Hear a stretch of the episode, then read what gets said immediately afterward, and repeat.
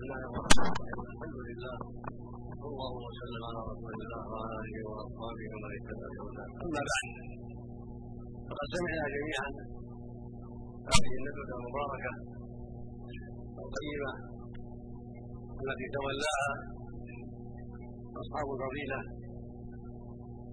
الشيخ عبد الرحمن بن عبد الله بن ريان الشيخ صالح الوزان عبد الله الوزان الشيخ صالح بن عبد الرحمن الاطرم في موضوع عظيم خطير جدير بالعنايه وموضوع الولاء والبراء موضوع موالاة المؤمنين ومعاداة الكافرين والبراء منهم.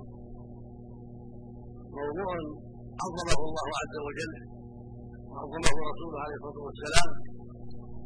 وانزل فيه آيات كثيرات وجاءت فيه أحاديث عنه عليه الصلاة والسلام.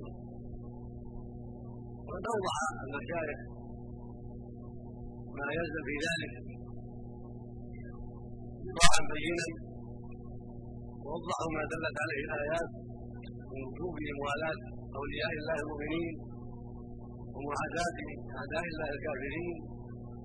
ومن وجوب محبة المؤمنين وبغض الكافرين. فزادهم فجزاهم الله خيرا وزادنا وإياكم وإياهم علما وهدى وتوفيقا. ونفعنا جميعا بما سمعنا وعلمنا ورزقنا جميعا الصدق في القول والعمل والعافية من مضلات الفتن قبل الدخول في الموضوع نؤيد ما ذكره الاخ عبد الجواد فيما يتعلق بالمجاهدين بالافعال فإنهم يديرون بالمساعده والعون والدعم. بالرجال والمال والرأي والدعاء. فجدير بإخواننا المؤمنين أن يدعوا لأولئك بالنصر والتأييد والتفقيه في الدين والإعانة على جهاد أعداء الله والسلامة من شر أعداء الله. وهم في جهاد عظيم وفي تعب كبير. لأنهم يجاهدون أخبث عدو وأكبر عدو. وهم الروس وليس هناك المكافحه من جهه الرجال والسلاح ولكنه الإيمان بالله والصدق بما وعد الله به أولياءه والتصديق بما وعد الله به أولياءه والنشاط المتواصل في جهة الاعداء فنسأل الله أن يعينهم ويمنحهم الصدق ويمنحهم النصر ويزيدهم من فضله ويحفظ أعداء الإسلام أينما كانوا. والله جل وعلا يقول في كتابه العظيم يا أيها الذين آمنوا إن تنصروا الله ينصركم ويثبت اقدامكم ونصر المجاهدين نصر لله والجهاد في سبيله. وان جهد غدا فقد غزا. وإن كافه في أهله بخير فقد غزا. ويقول سبحانه انفروا خفافا وثقالا وجاهدوا باموالكم وأنفسكم سبيل الله. ذلكم خير لكم إن كنتم تعلمون. ويقول عز وجل إن الله اشترى منهم من أنفسهم وأموالهم بان لهم الجنه يقاتل في سبيل الله فيقتلون ويقتلون وهذا الحق في التوراة والإنجيل والقرآن وقد شكلت الدولة لجنة لتقبل المساعدات وإرسالها إلى هناك في وسط لجنة هناك تولى توزيعها بين المجاهدين بالسلاح وفي الدواء وفي الكساء وفي الغذاء وفي غير ذلك وهذه اللجنة يرأسها ثم الامير سلمان امين منطقه الرياض والاموال تجمع في أربعة مواضع. في محل الراشي ومحل السبيعي والبنك الأهلي وبنك الرياض وينبغي لمن ليس له شيء من المساعدة أن يقدمها لهذه المحلات الأربعة محفوظة عندها ثم توصل إلى هناك توزع بواسطة اللجنه هناك مكونه من جهه الدولة. توزع هذه الأموال هناك. نسأل الله أن يعين المسلمين على كل خير وأن يمنحهم التعاون والتكاتف ضد أعداء الله.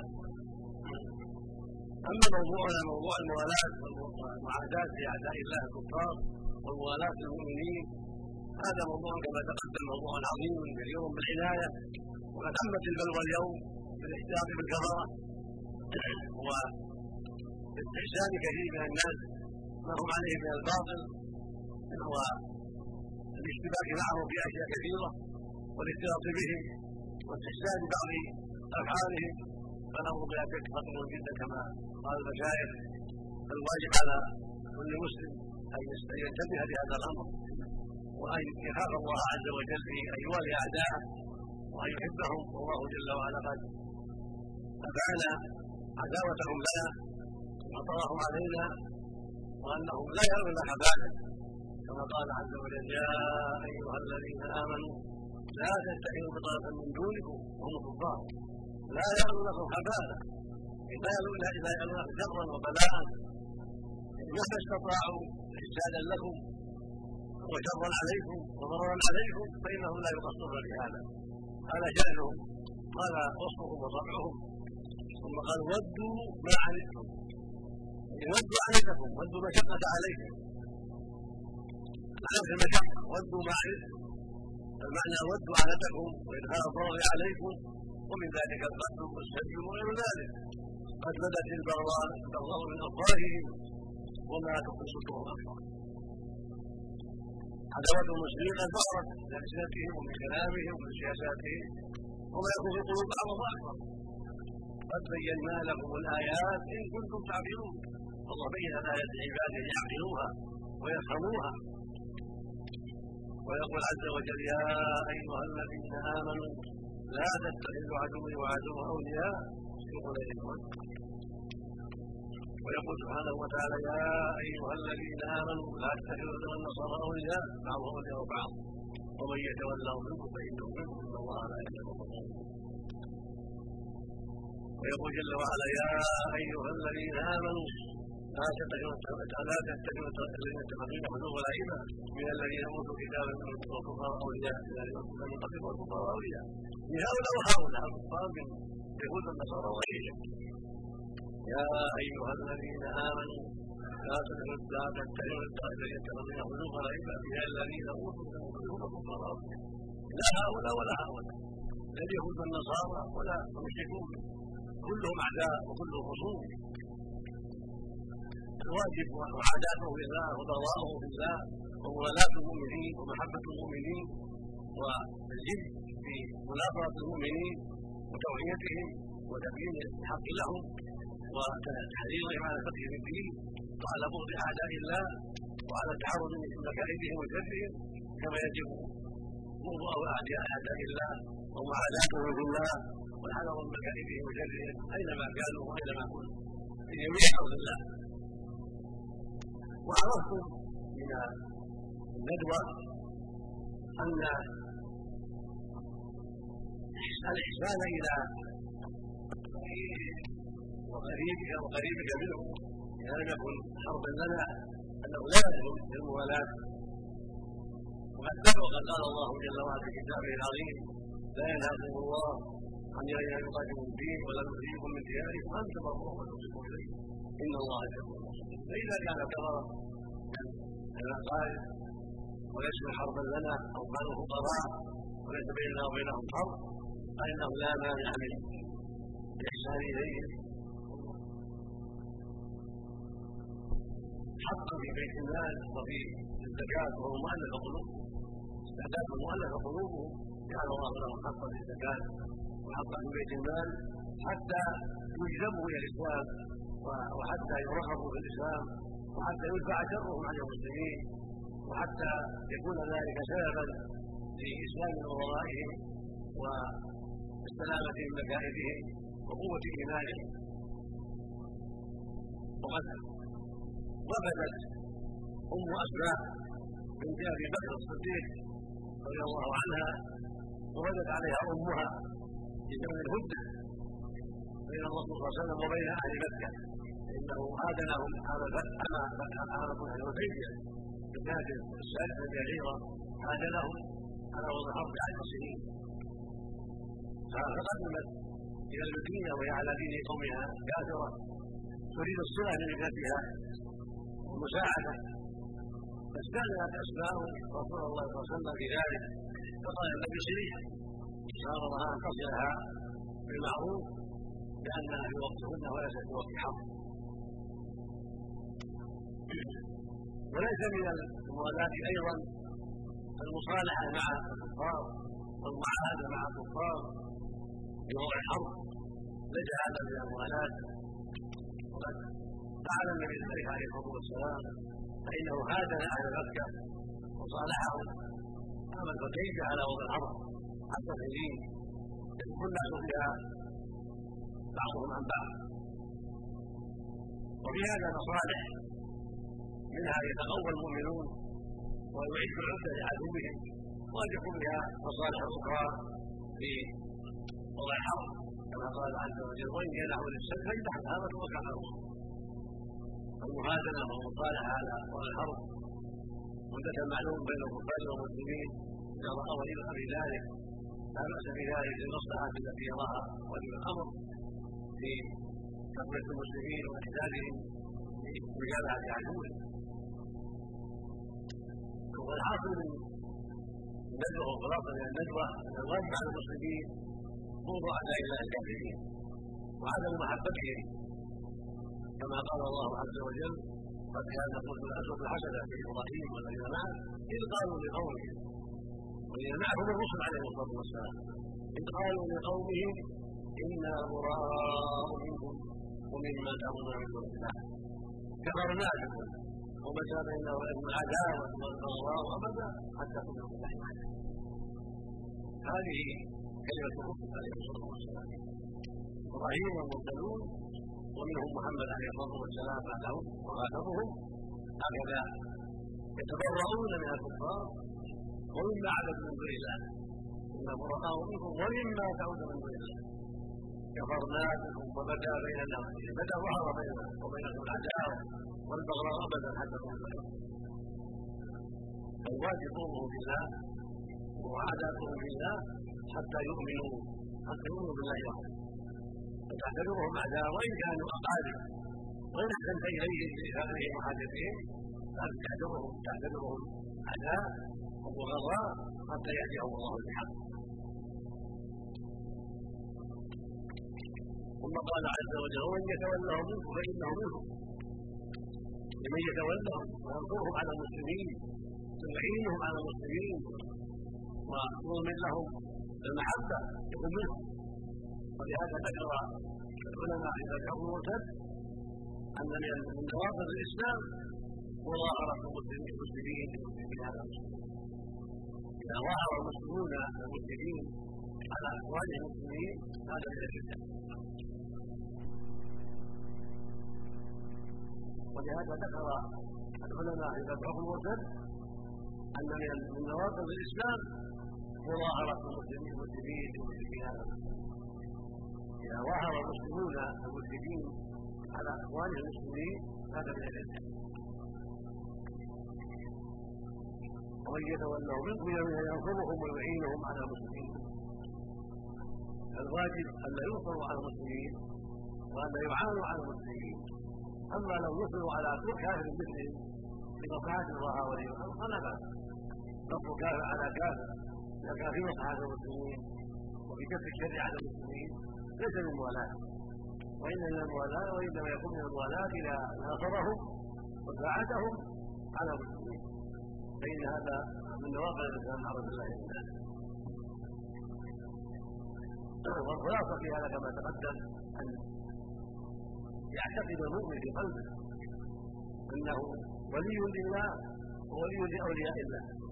المؤمنين يعتقد أنه بإيمانه بالله وتقواه لله يكون من أولياء الله ومن أولياء المؤمنين.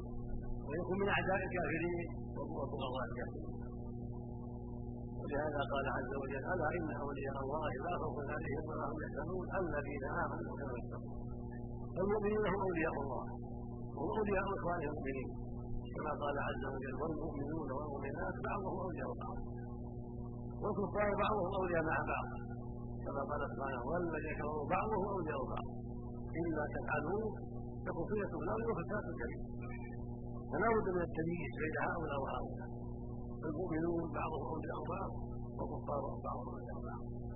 فإذا اختلط الناس وصار هؤلاء أولياء لهؤلاء وهؤلاء أولياء لهؤلاء صار حصل الفساد الكبير وفتنة عظيمة فلا بد من التمييز بين هؤلاء وهؤلاء.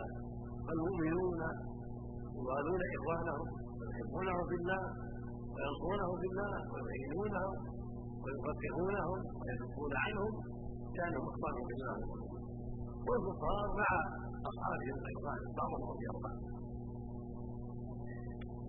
ولا يمنع هذا الأمر.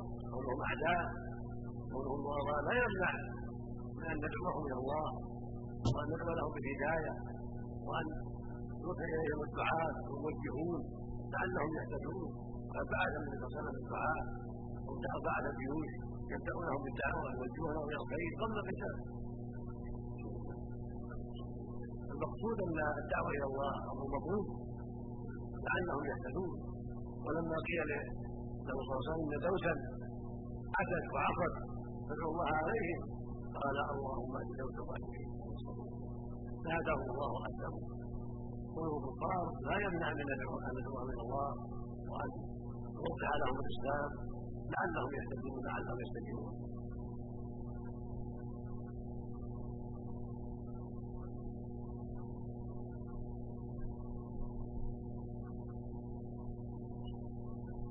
ثم الكفار أصناف أصناف كثيرون. منهم اليهود منهم النصارى منهم الشيوعيون ينكرون وجود الله بالكلية ولا يؤمن برب ولا بإله ولا بجنة ولا ولا بآخرة ولا غير ذلك وهم وثنيون عباد الأوثان عباد القبور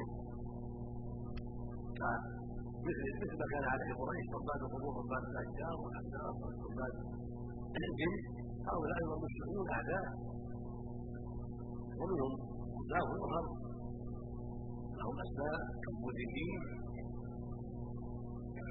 والقاديانيين الذين يؤمنون بان هناك نبيا بعد محمد وهو أحمد القادياني القادياني والبهائيون وأشباه ذلك أصناف كثيره تجمعهم مخالفه ما جاء به النبي صلى الله عليه وسلم تجمعهم عدم إيمانهم بمحمد صلى الله عليه وسلم وعدم قيامهم بما حققوا إيمانهم وعدم تصديقهم صلى الله عليه وسلم أو عدم توحيدهم لله وعدم اخلاصهم سبحانه وتعالى. فتارة يجيب الكفر من شركهم بالله. وتارة يجيب الكفر من جهة عدم تصديقهم لمحمد صلى الله عليه وسلم وعدم اتباعه وتارة يجيب الكفر من جهة عدم إيمانهم بالآخرة وتارة من جهة مناصرتهم للكفار على المسلمين. وتارة يأتي الكفر من اعتقادهم أن هناك نبيا بعد محمد عليه الصلاة والسلام. فإن محمد هو خاتم الأنبياء. من ادعى أن بعده نبيا كالقاديانية صار كافرا. والواجب ضد هؤلاء كلهم وعاداتهم وقوله بالله سبحانه وتعالى. مهما كان أصنافهم وانواعهم يجب بغضهم بالله وعاداتهم حتى يؤمنوا بالله ويوحدوه ويخلصوا له العبادة ويتبعوا محمد عليه الصلاة والسلام. فإذا فعلوا هذا خرجوا من دائره الكفر اذا وحدوا الله وامنوا به وبرسله وباليوم الآخر والجنة والنار. وصدقوا نبيه محمد صلى الله عليه وسلم واتبعوا ما جاء به. فحينئذ يدخلون في الإسلام. وإن كانوا قبل ذلك يهود أو نصارى أو غير ذلك وقد يتسمون بالإسلام. ويبدأون الإسلام. وفيه من انواع الكفر ويواقف الإسلام. فلا تنفعهم شهاده أن لا إله إلا الله. ولا شهاده أن محمدا رسول الله إذا أتوا بالناقض من نواقض الإسلام. فكثير تعالى من عباد القبور يشهدون أن لا إله إلا الله وأن محمدا رسول الله. ولكنهم يعبدون غير الله ويشركون بالله بالضراء والضراء بالجنة والضراء فينقضون لا إله إلا الله بشركهم وضلالهم الذي يعبد غير الله. كعباد البدوي وعباد الحسين وعباد علي وعباد عبد الخالق الهادي وعباد غيرهم يدعونهم ويستغيثون بهم ولهم ينذرون ويطلب لهم المدد والعون. وإذا مروا بقبورهم سالوا المدد والعون والشفاء للمرضى ونصر الاعداء هؤلاء وإن زعموا أنهم مسلمون ليسوا مسلمين وان قالوا لا إله إلا الله. فان شركهم ينقض الاسلام شركهم بالله. وما ياتون من النواقض ينقض الإسلام. وهكذا لو قال أشهد أن لا إله إلا الله وأن محمدا رسول الله ثم سب الدين سب الإسلام وطعن في الإسلام وقال انه دين ما يصلح للزمان عنه الإسلام ما يصل الزمان ما يصل الزمان إلى القوانين التي وضعها الروس وضعها الامريكان وضعها الانجليز وضعها فلان وفلان.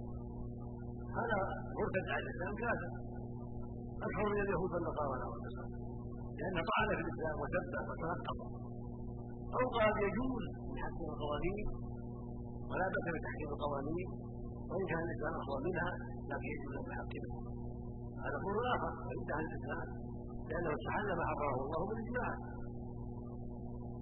وهكذا إذا استهزأ في الدين. مثلا الصلاه كذا وكذا ما فيها فائده الصيام ما فائده الصيام تكليف بلا موجب وانه بلا فائده أو ما أشبه ذلك من الاستهزاء. أو يستهزئ الرسول صلى الله عليه وسلم. أو يطعن فيه ويقول ما بلغ البلاغ. أو يقول فإن كذا وكذا يقع في من بين النواقض صار كافرا أو وإن قال لا إله إلا الله. وإن شهد أن محمدا رسول الله. قال تعالى قل ابي الله وآياته ورسوله. كنتم تستهزئون. لا تعتذروا قد كفرتم بعد أو قال ان القادياني القادياني نبي بعد محمد دعا إليه وتقول القادياني العبد من باكستان ووضع كثيرا تبليغا ومنتشر هذه الطائفه قريبا تؤمن بان القادياني نبي بعد محمد. فكان ولو قال أشهد أن لا إله إلا الله إذا اتى الانسان بدايه من نواقض الإسلام كفر وإن شهد ان لا إله إلا الله وإن قال ان محمد رسول الله. وهكذا لو أن إنسانا قال الزنا حلال أو الحب الخمر حلال لا بأس به. صار مرتدا عن الإسلام وكافرا. كفرا أكبر باجماع المسلمين. أكبر من اليهود والنصارى واشباههم ولو صلى وصام ولو قال أشهد أن لا إله إلا الله وأن محمدا رسول الله بعد ان يرى أن الزنا حلال أو أو حب مسلم حرام حلال. أو حب الوالدين حلال أو ما أشبه ذلك أو الربا حلال صار كافرا أو قال الصلاة في واجبه أو الزكاة في واجبه أو صبر امامه لازم. كل هذه بدعه الكفر اكبر ولو شهد أن لا إله إلا الله وأن محمدا رسول الله. والصحيح أيضا أنه إذا ترك الصلاة تركها بالكليه ولو ما ولو ما جحد وجوبها كفر. يقول النبي صلى الله عليه وسلم بين الرجل وبين الكفر والشرك الصلاة. والنبي صلى الله عليه وسلم العهد بينه وبينهم الصلاه ومن تركها فقد كفر هذا يبين لنا أيها الإخوة انه أمر جدا أمر الأمر خطير وأن أموالات الكفار ومعاناه الكفار ونفوها المؤمنين المؤمنين أمر مهم. فلا بد من موالاة المؤمنين ومحبتهم ولا بد أن نعرف المؤمنين من هم المؤمنون؟ من هم؟ هم عباد الله ومن يعبدون الله وحده ويصدقونه ويصدقون رسله وينقادون لشرعه ولا يستهزئون بشرعه ولا ينقصونه ولا يسبون دينهم. هم المؤمنون بالله ورسوله. ويقولون ما شرع الله ورسوله. والتابعون لمحمد والمصدقون له والمعظمون له. لا يستهزئون به ولا يتنقصونه ولا بد من بغض الكفار ومعاداتهم لله حتى يؤمنوا. على أي صنف كان ليس خاصا باليهود ولا بالنصارى أي صنف من الكفار يجب ان يعادى ان يبرر الله عز وجل. سواء كان كافرا اصليا كاليهود والنصارى والوثنيين والروس وأشباههم الشيوعيين أو كان كافرا مرتدا يجب أن يعادى لله كان مسلم ثم أتى بالكفر صار مرتدا. كالذي يتنقص الإسلام ويأتي بالاسلام وهو يدعي الإسلام. يتنقص يطعن فيه ويستهزئ بالاسلام أو بالصلاه أو بالزكاه أو بمحمد عليه الصلاة والسلام. أو يحل ما حرم الله من الزنا والخمر أو يقول انما اوجب الله لكم واجب والصلاة واجبه ويقول الزكاه واجبه ويقول صوم رمضان لازم أو ما أشبه هذه كلها ادعاء الاسلام وكفر يجب التنبه لهذه الأمور. ولهذا وضع العلماء رحمهم الله في كل مذهب من العلماء وضعوا بابا سموه باب المرتد وذكروا فيه الأشياء القولية والفعلية التي يكفر بها المسلم ويكون مرتدا بعد الاسلام وذكروا أنواع الشك. لو شك كفر المسجد الصلاه واجب ولا بواجب شك يكون كافرا حتى بالشك أو يقول ما ادري ان جنحت ولا يلحق أو ما ادري أنا ابعث ولا ما ابعث يوم القيامه حتى يشكك مكافرة حتى يؤمن يؤمن بما صادقا ان البعث حق وان الجنه حق وان الله حق وان الصلاه واجبه وان محمد حق إلى غير ذلك فالذي يشك مثل المكذب. يشك في الآخرة يشك في الجنة يشك في النار. محمد رسول الله صادق ولا صادق هذا كافر أو يقول ادري الصلاه واجب ولا ما واجب أو الزكاه واجب ولا ما واجب أو الحج مع الاستطاعه واجب ولا ما واجب شفاعه يقين كافر انه الاسلام حتى يؤمن بما اوجب الله وحتى يؤمن بما حرم الله حتى يؤمن ما اخبر الله به ورسوله ويعتقد ذلك وينقاد لذلك فنسال الله ان يوفق الجميع للفقه في والثبات عليه وأن يرزقنا وإياكم العنايه في طلب العلم وحضور حلقات العلم وسؤال أهل العلم المعروفين بالخير والهدى عما أحكم. وبهذا نعرف أن الحاجة ماسة إلى حلقات العلم وحضور حلقات العلم. ولهذا يقول عليه الصلاة والسلام من يريد الله به خيرا يفقهه من يريد الله به خيرا يفقهه في الدين ومن علامات الخير أن تتوقع بإذن الله وأن تحرص على حلقات العلم. أهل العلم عما اشكل عليه. وان تحفظ لسانك عما قد يضرك حتى تكون على بينه وعلى بصيرة. ومن أعظم الأسباب للفقه في الدين الإقبال على القران العظيم والاكثار من تلاوة القرآن مع تدبر. والمذاكرة مع الزملاء ومع الإخوان ومدارسه وسؤال أهل العلم عما أشكل. كل هذه الأسباب العظيمة للفقه في الدين. مع حفظ ما تيسر من احاديث الرسول صلى الله عليه وسلم. الحديث المعروفة الصحيحة ما تيسر منها والمذاكره فيها بين الاخ واخيه وتلميذه حتى يكون عنده معلومات جيدة عن دين الله وبصيرة عن دين الله. نسأل الله الجميع التوفيق والهدايه وجزا الله من خيرا وصلى الله وسلم على نبينا محمد وعلى آله وصحبه.